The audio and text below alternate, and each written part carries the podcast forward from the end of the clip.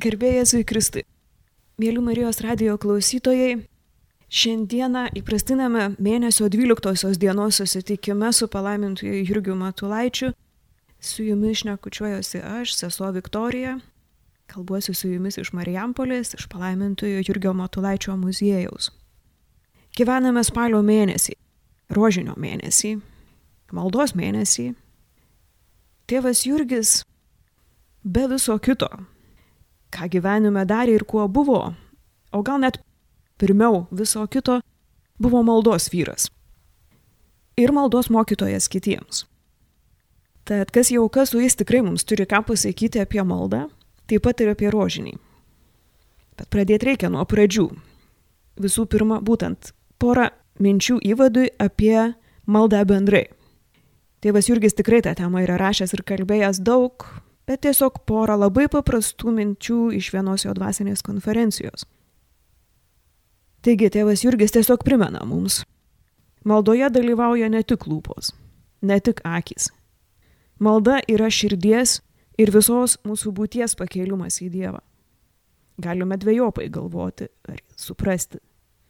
Viena vertus, malda yra įėjimas į save, kad ten Dievą surastum.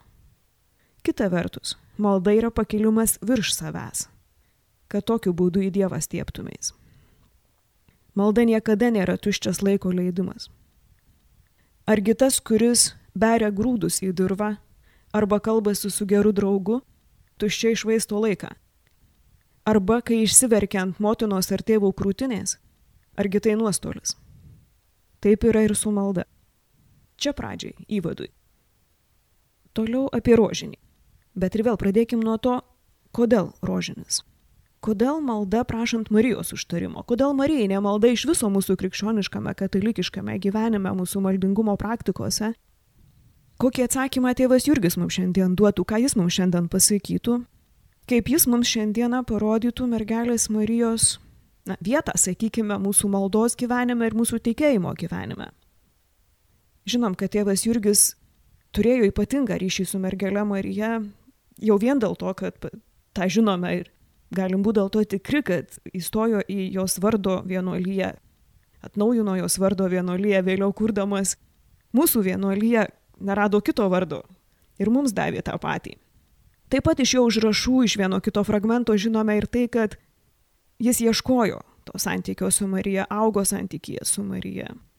Tad ir vėl tikrai turi šitoje srity ką mums pasakyti. Išlikusių jo tekstų grinai Marijinė tematika nėra labai daug, bet vis dėlto vieną kitą turime. Vienas iš jų be galo gražus. Tiesa, jisai skirtas ne spalio mėnesiui, jisai skirtas rugsėjui, šilinėms Marijos gimimui. Ir vis dėlto vienas kitas jo fragmentas šiandien tikrai vertas vėl prisiminti. Gal jau kada ir girdėtas, nes tikrai skambėjęs eteryje. Vienam ar kitam kontekste. Bet te būna šiandien mums įvadas į bendrai mąstymą į tolimesnį mąstymą apie rožinį remiantis tėvų Jurgio mintimis. Taigi štai ką jis rašo apie mergelę Mariją. Man asmeniškai šiuo atveju svarbu ne tik ką jis rašo, bet ir kaip jis rašo. Su kokiu švelnumu ir meile, atidumu ir tokiu sūnišku žvilgsniu. Paklausykim. Ir pagaliau atėjo toji mergelė, Dievų sūnaus motina ir šventosios dvasios pamiltoji. Atėjo tyra ir besutepties, graži kaip mėnulis, šviesi tartum saulė, pagarbę baimę kelianti lyg pulkas su vėliavomis. Atėjo, kad taptų gražiausios meilės ir pamaldumo, pažinimo ir šventos vilties motina, kad kiekvienas, kuris ją ras, atrastų gyvenimą ir pasisemtų viešpaties gailestingumo. Atėjo, kad atneštų pasauliui išganytoją, kuniga, mokytoją, karalių, Jėzų Kristų, Dievo sūnų o jame atleidimą nusidėjėliams, ištvermę teisingiesiems, neišmanėliams tiesą, pasiklydusiems kelią, mirusiems gyvenimą. Atėjo, kad išskleistų virš mūsų savo motinišką globą ir kaip tarpininkė pasūnų rūpintųsi mūsų išganimu. Atėjo, kad būtų mums pavyzdžių ir išmokytų mus Dievo gyvenimo. Iš tiesų švenčiausioji mergelė Marija yra mums pavyzdys ir geriausia tobulumo mokytoja. Prie šios paskutinės minties šiandien ir sustokime. Čia tėvų Jurgio kvietimas. Prie to, kad švenčiausiai mergelė Marija yra mums tobulumo pavyzdys ir mokytoja.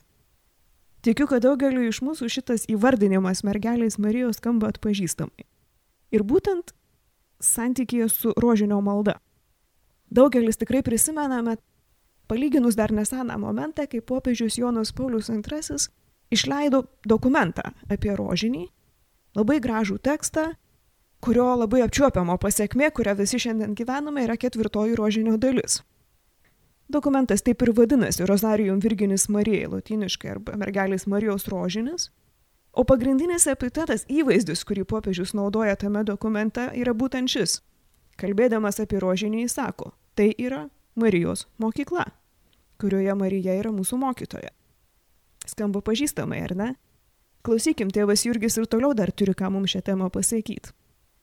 Tiksliau, ne tiek pasakyti, kiek pavėdėt mus maldoja. Šiuo atveju susitinkam su jo paties malda. Tai to paties teksto dalis. Suprantu, kad tai pamokslo pabaiga. O švenčiausioji motina. Būk ir mums švelnia mokytoja. Juk mes vadinamės tavo mokiniais. Tiesa, užuot sėmę šventųjų įgūdžių iš tavo knygų, mes neretai paklydusio pasaulio mokykloje godžiai mokomės jo iškrypusios išminties. Užuot sekdami tavo pavyzdžių, ir veržliai žengia Dievo keliu paskui Kristų, mes kaip tas Evangelijos žydas nekartą gulime ant žemės, plėšikų apdraskyti, aptekę nuodėmė žaizdomis, aistrų pančiai surakinti. Todėl tu, geroji samarietė, ateik mūsų gelbėti. Aptvarstyk žaizdas, sutraukyk pančius, išprašyk pas Dievą malonės ir darybių, išprašyk meilės, o maloningiausioji, išprašyk tyrumo, o tyriausioji, Išprašyk gailestingumo, o gailestingiausioji. Ištvermės po Jėzaus kryžiumi, o kantriausioji ir tikro tobulumo, o švelniausia ir tobuliausia mokytoja. Amen. Štai taip mums pristato, parodo tėvas Jurgis mergelę Mariją savo numylėtą, savo giliai atrastą.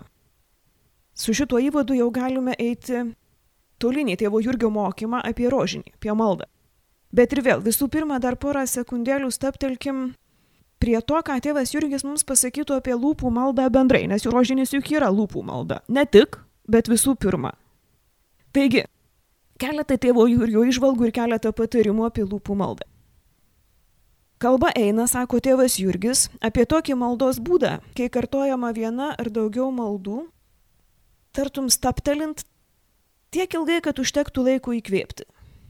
Ir tuo pat metu galvojant, apmastant arba apie pačių išsireiškimų prasme, kuriuos tariame, arba apie vertę grožį to asmens, į kurį melžiamės, arba apie savo nevertumą, savo trūkumus, arba netgi apie tą skirtumą, kuris yra tarp to asmens, į kurį melžiamės ir mūsų pačių.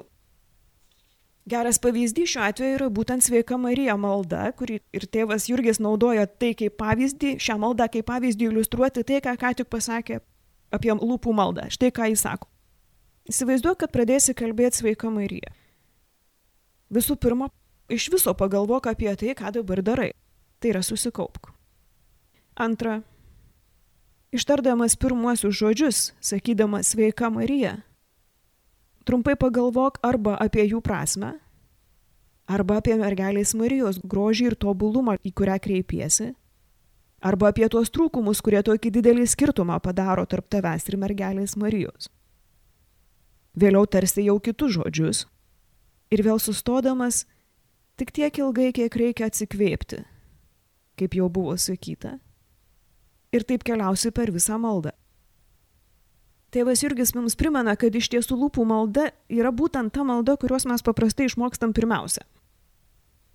Ir ją naudodami, kartodami išmoktas maldas, pajuntam tam tikrą lengvumą.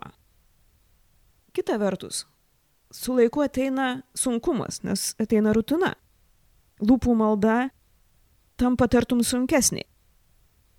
Žinom ir nepamirštam, kad lūpų maldą reikia kalbėti pamaldžiai, sąmoningai, bet būna labai sunku išlaikyti dėmesį.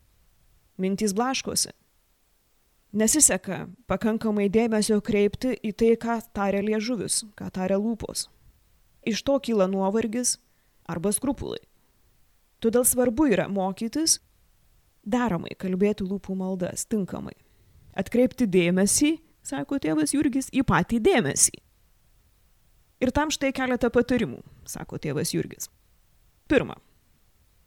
Skaityti maldas arba kalbėti maldas reikia taip, lyg tai darytum pirmą kartą. Lyg ką tik būtum išmokęs. Nepasiduodant įpratimo jausmui. Kartais netgi tartum su tam tikra deklamacija kalbėti. Rūpestingai ištarti. Išgirsti prasminius kirčius ant tam tikrų žodžių ir juos ištarti, sako tėvas Jurgis. Reikia įsigilinimo ir supratimo, ką kalbi. Taip pat svarbu prisiminti štai ką. Nereikia daug maldų. Daug svarbiau sukalbėti mažai maldų, bet gerai jas sukalbėti. Su įsigilinimu.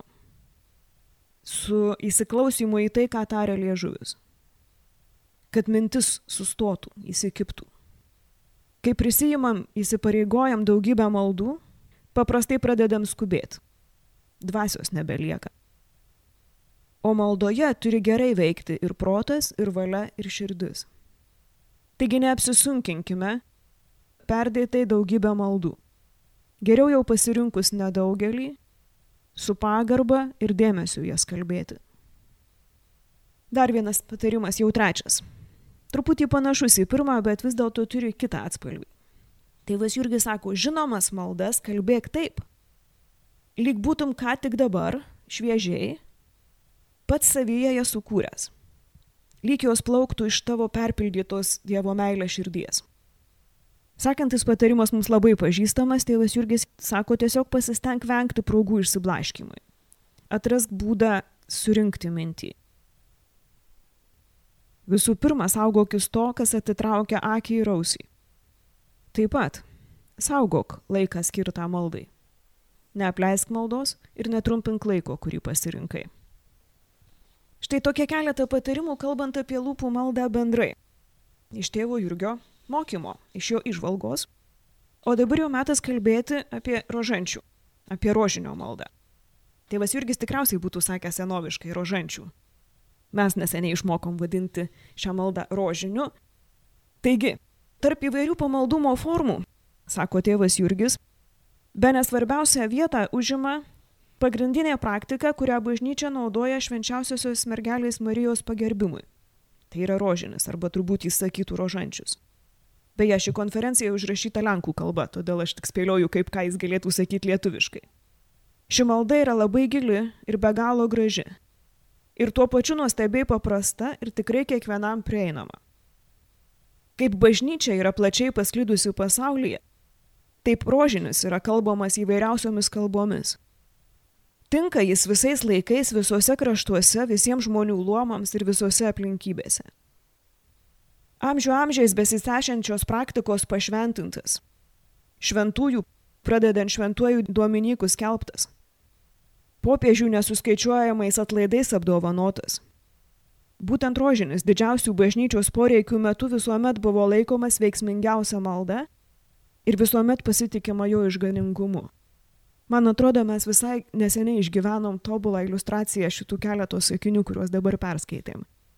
Greičiausiai daugelis iš dabar klausančių Marijos radiją, vienaip ar kitaip dalyvavo rožinio maratone, į kurį visai neseniai buvo pakvietęs popiežius Pranciškus visuotinę bažnyčią, kai visą mėnesį iš skirtingų pasaulio šventovių, skirtingomis kalbomis, skirtingos bendruomenės, dažniausiai su savo viskupais prieš akiją meldėsi rožinį, prašydami pasaulio išlaisvinimo iš pandemijos.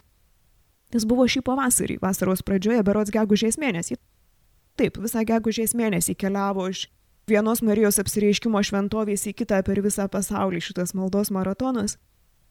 Jeigu kas jame dalyvavom ir vieną kitą kartą interneto būdu susiradom, įsijungėm, tai galėjom patirti būtent ir tą platumą, universalumą šios maldos per visą bažnyčią. Ir tai, ką sako tėvas Jurgis, tą bažnyčios pasitikėjimą šios maldos veiksmingumu, ypatingai tada, kai krizė ištinka, kai tikrai bėda. O tada iš tiesų įmam į rankas rožiniai. Ir jau ne po vieną, ne tyliai, bet klaupiam ant kelių visi kartu ir melžiam garsiai, drąsiai, vieningai. Bet žiūrėkim toliau, ką mums sako tėvas Jurgis. Taigi, visų pirma, rožinis lūpų malda. Iš esmės susideda iš tėvę mūsų, sveika Marija ir garbė Dievui tėvui maldų kartojimo. Kiekvienas dešimtukas arba slėpinys prasideda būtent viešpaties malda arba tėvė mūsų malda, kurios išmokė pats Kristus. Ir pasibaigia garbė Dievui tėvui malda, kuri yra nekas kita kaip angelų giesmė. Tačiau kiekvieno dešimtuko tikslas arba slėpinio tikslas, sako tėvas Jurgis, yra vieno iš Evangelijos slėpinių, kuriuose dalyvavo švenčiausiai mergelė Marija pagerbimas, tartum įėjimas į tą slėpinį. Tiesa, vadiname juos Marijos slėpiniais, bet iš tiesų jie labiau yra Jėzaus slėpiniai. Tad melžiantis dešimtuką arba slėpinį, reikia apmastyti tą slėpinį. Kokią formą ir kokiu būdu tai daryti priklauso nuo besimeldžiančiojo gebėjimo ir dvasinio išsiugdymo, sako tėvas Jurgis. Bet kokiu atveju, kalba eina apie paprastumą ir dvasios laisvę. Dievas nereikalauja, kažin kokių ypatingų dalykų. Ir staiga tėvas Jurgis su savo būdingu humoru prideda, o net ir visko, kas paprasta Dievas iš mūsų nereikalauja. Bet reikia geros valios, susikaupimo proto ir širdies atgręžimo ir išlaikymo atgręžus į slėpinį. Trūkumas dėmesio slėpiniui, sako tėvas Jurgis, nėra nusikaltimas. Ir tas, kuris tiesiog kalba lūpomis, tėvė mūsų sveika Marija, nedaro jokio nusikaltimo. Priešingai, taip kalbėdamas rožiniai, gerą dalyką žmogus daro, tik tai tai jau nebėra rožinis. Kame yra rožinio tobulumas? Visų pirma, tuose trijose jį sudarančiose maldose. Viešpaties malda arba tėvė mūsų, kaip jau minėta, kyla iš paties Kristaus žodžių, užrašytų Evangelijoje. Sveika Marija, vėlgi evangelinė. Angelo sveikinimas, angeliška malda, kuri tiesiog pastato prieš mūsų akis Dievą, kuris nepasikuklina nužengti į mūsų tarpą. Ši malda apdainuoja nuolankumą, tyrumą, tikėjimą, klusnumą ir tą meilę, kurią Dievas numylėjo Mariją. Ji primena, kad Marijos dėka Dievas tapo žmogumi, žmogaus sūnumi. Todėl sveikiname mūsų motiną. O kadangi mūsų širdis pilna, tai vis grįžta prie tų pačių žodžių. Garbė Dievui, trejybės pagarbinimas Tokia yra visako esmė. Viskas turi būti atgręžta Dievo garbai. Kam reikia taip daug kartojimo? Ir tokio nuobodaus? Klausė tėvas Jurgis. Ir sako, lengva atsakyti. Paklauskite dailininko, kodėl šimtus kartų ir vis iš naujo ir iš naujo ir su tokiu dėmesiu žiūri į tą patį peizažą arba į tą pačią banguojančią jūrą, arba į kokio nors genėjaus paveikslą. Kodėl jam visai neįkyrų valandų valandas išstovėti prie kurio nors genialaus meistro paveikslo į jį žiūrint?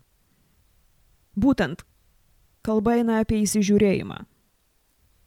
Kita vertus, pavyzdys gali būti ir muzika, sako tėvas Jurgis. Nekartą vis iš naujo ir iš naujo įsiklausome į tą pačią muziką, kurią mėgstam kol širdis ima dainuoti, pripildyta jausmo. O skirtingos mintys, kurios tuo metu ateina, kuria dvasinius variantus tą pačią temą, kurią kalba lūpos. Čia jau tartum grįžtam prie rožinio. Ir prie įsiklausimo į tai, ką vis kartojame lūpomis. Tėvas irgi cituoja kažką, nes įdeda sakinį į kabutes, bet dėja neparašo šaltinių, o sakinys labai gražus. Meilė turi tik vieną žodį ir vis iš naujo ir iš naujo tą vieną žodį kartoja ir taria, ir vis dėlto niekada nepasikartoja. Argi motinai kada nors nusibosta ir įkyri, kai jos vaikelis vis ropščiasi jai ant kelių, tuos pačius žodžius šlebizavodamas, lygiai taip ją bučiuodamas ir lygiai taip glaustydamasis. Ir tikra kančia dažniausiai turi tik vieną žodį, sako tėvas Jurgis. Vieną šauksmą, vieną dejonę kuria savo paguodos ieško. Sako, žiūrėkit, ir Jėzus alyvų sode, tris kartus tą pačią maldą pakartojo. Tėve, jei galima, te praeina šitą aurė pro mane, bet te būna ne kaip aš noriu, bet kaip tu. Gal kaip tik labiausiai dėl to pakartojimo, dėl tokio artimumo mūsų širdies ritmams, tėvas Jurgis sako tai, ką sako toliau. Prieinama šita malda iš tikrųjų kiekvienam, dėl savo paprastumo. Bet kas, kas turi tikėjimą ir teisę širdį, kartos vis iš naujo ir iš naujo. Ir jam niekada neįkyrės. Galiausiai, sako tėvas Jurgis, kas yra pasaulyje tokio, kas nesikartoja. Mes patys kasdien kartojam vis tuos pačius veiksmus. Taigi ir Dievo žodžio, Dievo minties kartojimas ne tik neapsunkina sielos, bet kas kart duoda naujų minčių, naujus jausmus sužadina. Kiekvienas tėve mūsų, kiekviena sveika Marija yra tartum kasnelis dangiškosios duonos, kuris stiprina mūsų jėgas. Kiekvienas liepinys, kiekvienas dešimtukas, kaip sako tėvas Jurgis, ypač kai lūpomis kalbant jį tuo pačiu mastome ir slėpinį.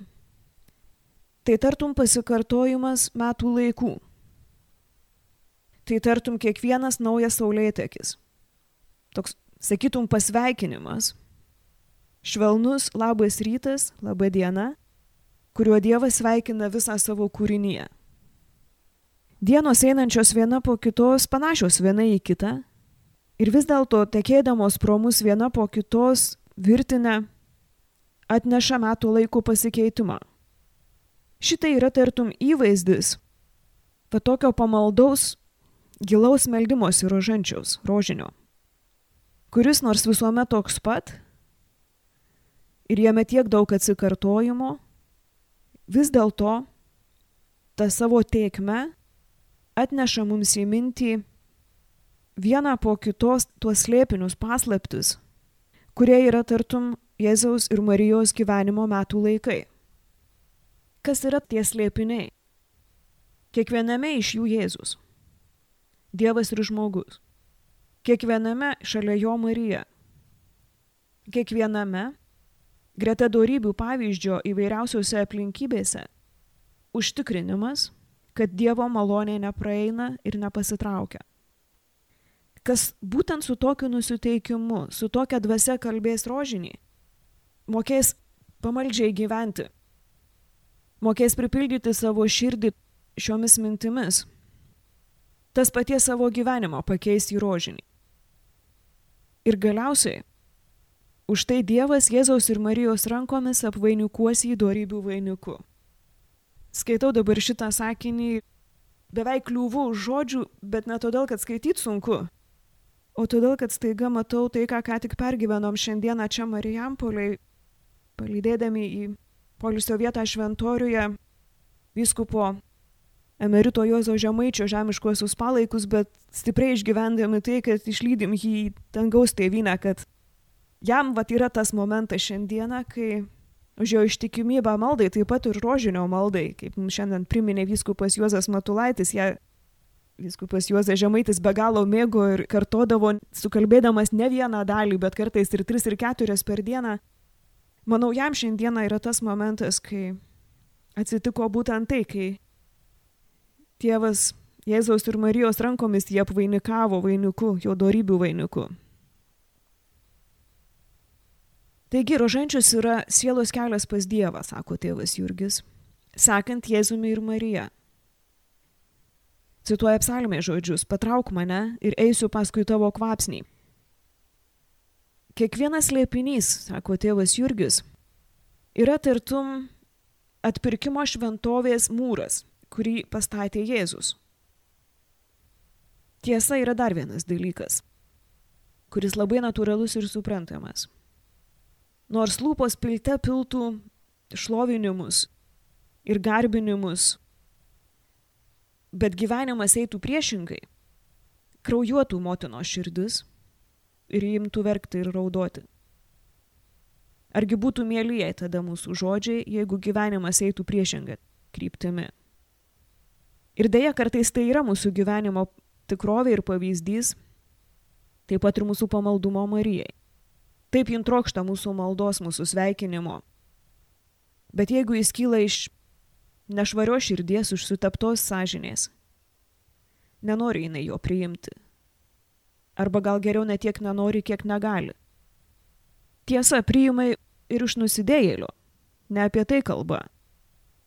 Bet priima iš to nusidėjėlio, kuris atgailauja, kuris atsiprašo už praeities nuodėmes ir žada daugiau nebekartoti. Taip, Marija yra nusidėjėlių gynėja, bet negina nuodėmės, gina žmogų, kuris atgailauja ir taisosi. Štai tiek tėvo Jurgio minčių apie rožinį, bet prieš atsisveikinant dar pora jo paraginimų, susijusių su rožiniu, bet tuo pačiu ir su malda bendrai. Ir vėl man regis labai šiandien tinkančių. Šiandien sakau, turėdama minti šeimos metus, kuriuos vis dar gyvenam. Štai ką sako tėvas Jurgis apie maldą bendrai. Įeikime į namus, kuriuose melžiamasi. Kur malda, ten šeima, ryšys. Ten visa atmosfera kita. Ten yra laimė. Ten, kur nėra maldos, širdis atitrūksta nuo Dievo, bet tuo pačiu ir nuo kitų žmonių. Gero mums būti su Dievu. Kaipgi be jo? Gyvenimas nėra nepavojingas. Todėl niekuomet nenutrauk tos nuostabios stygos, kuri mus jungia su dangumi. Neapleisk maldos. Nelenk kelių prieš tamsybės dvasę. Netapk netikusių aistrų tarnu. Iš dangaus samk šviesą ir jėgą. Melsdamasis patirsi palengvinimą kančioje. Atrasi tų žodžių, tėve, tavo valia skambesį. Tikrai malda artina prie Dievo, tačiau jungia ir su žmonėmis. Net mirtis nenutraukia to dvasinio ryšio. Malda yra vieta, kur susitinka gyvieji ir mirusieji. Ir jums, kurie turite atsakomybės, sako tėvas Jurgis. Malda yra būtina. Būtina tarti tėvę mūsų, kad malda protą apšviestų, širdį praplatintų. Juk tiesa tokia, viskas priklauso nuo Dievo. O žmonės yra broliai, kuriems turime tarnauti.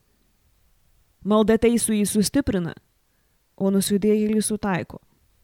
Jėzus savo auką ir kančią atnešė į maldą. Ir mes pasninkų atgailą, susitaikinimu, su juo vienykimės. Melskime su tikėjimu, su pasitikėjimu, visiškai susivienyje su Dievu su Kristumi. Mėly Marijos radio klausytojai, šioje laidoje girdėjote Vargdienių seserų kongregacijos sesers Viktorijos Plečkaitytės liūdėjimą apie palaimintąjį Jurgį Matulaitį ir apie jo maldos praktiką ir rekomendacijas rožinio maldai. Ačiū, sudėję.